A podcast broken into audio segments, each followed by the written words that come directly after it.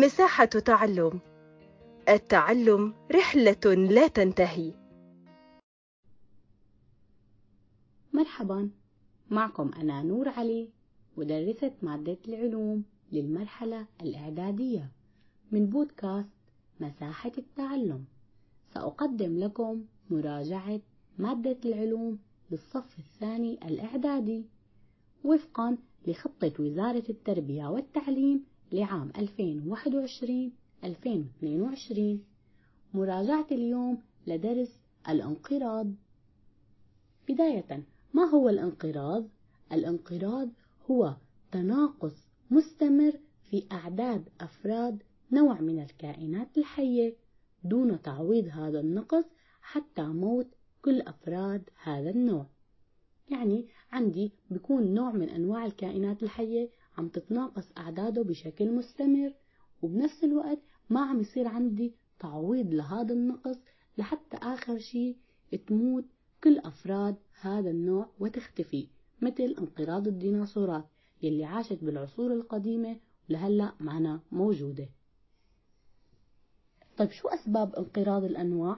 أسبابها واحد حدوث كوارث طبيعية كبرى مثل اصطدام نيازك بالأرض أو حركات الأرض العنيفة أو تعرض الأرض لعصر جليدي طويل أو بسبب الغازات السامة التي تنبعث من البراكين وأسباب أخرى. السبب الثاني هو تدخل الإنسان في تدمير موطن الأصلي للحيوانات أو الصيد الجائر وتلويث البيئة وكمان غيرها من الأسباب. عندي من بعض الأنواع المنقرضة يلي انقرضت تماما. واحد الديناصورات. اثنين حيوان الماموث. ثلاثة طائر الدود. أربعة الكواجة أما حيوانات حاليا هي مهددة بالانقراض مثل الختريت دب الباندا النسر الأصلع طائر أبو منجل كبش الأروى ونبات البردة. أما أثر الانقراض على التوازن البيئي. شو بصير عندي؟ عند انقراض نوع من الكائنات الحية بنظام بيئي رح يؤدي إلى اختلال التوازن البيئي وربما حتى تدميره. بيختلف هالأثر حسب الأنظمة البيئية. فمثلا في النظام البيئي البسيط اللي هو قليل الأنواع بيتأثر بشدة كبيرة بغياب أحد الأنواع المتواجدة فيه. ليش؟ لعدم وجود بديل يعوض غياب هذا النوع ويقوم بدوره مثل النظام الصحراوي. قلنا النظام البيئي البسيط يعني اللي بيكون عدد أنواعه قليلة.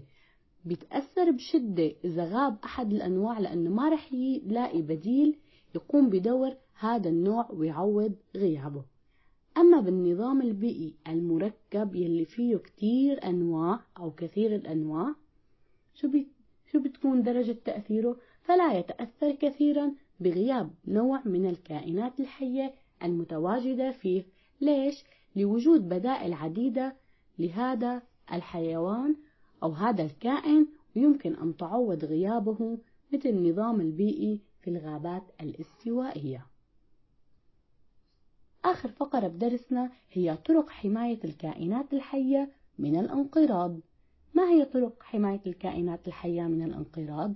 هي واحد تربية وإكثار الأنواع المهددة بالانقراض وإعادة توطينها في بيئاتها الأصلية.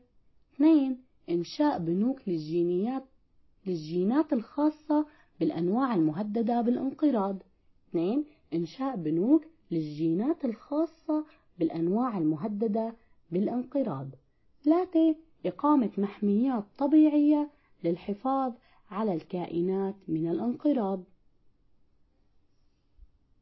وهي شو هي المحميات الطبيعية؟ هي أماكن بيتم تخصيصها لحماية الأنواع المهددة بالانقراض في أماكنها الطبيعية حيث بيتم توفير ظروف مناسبة لحتى تنمو وتتكاثر بعيدا عن أعدائها بهدف الحفاظ على هذه الأنواع من الانقراض مثال محمية دب الباندا في الصين. وهيك بنكون وصلنا لختام درسنا. شكرا لإستماعكم. بتمنى لكم التوفيق.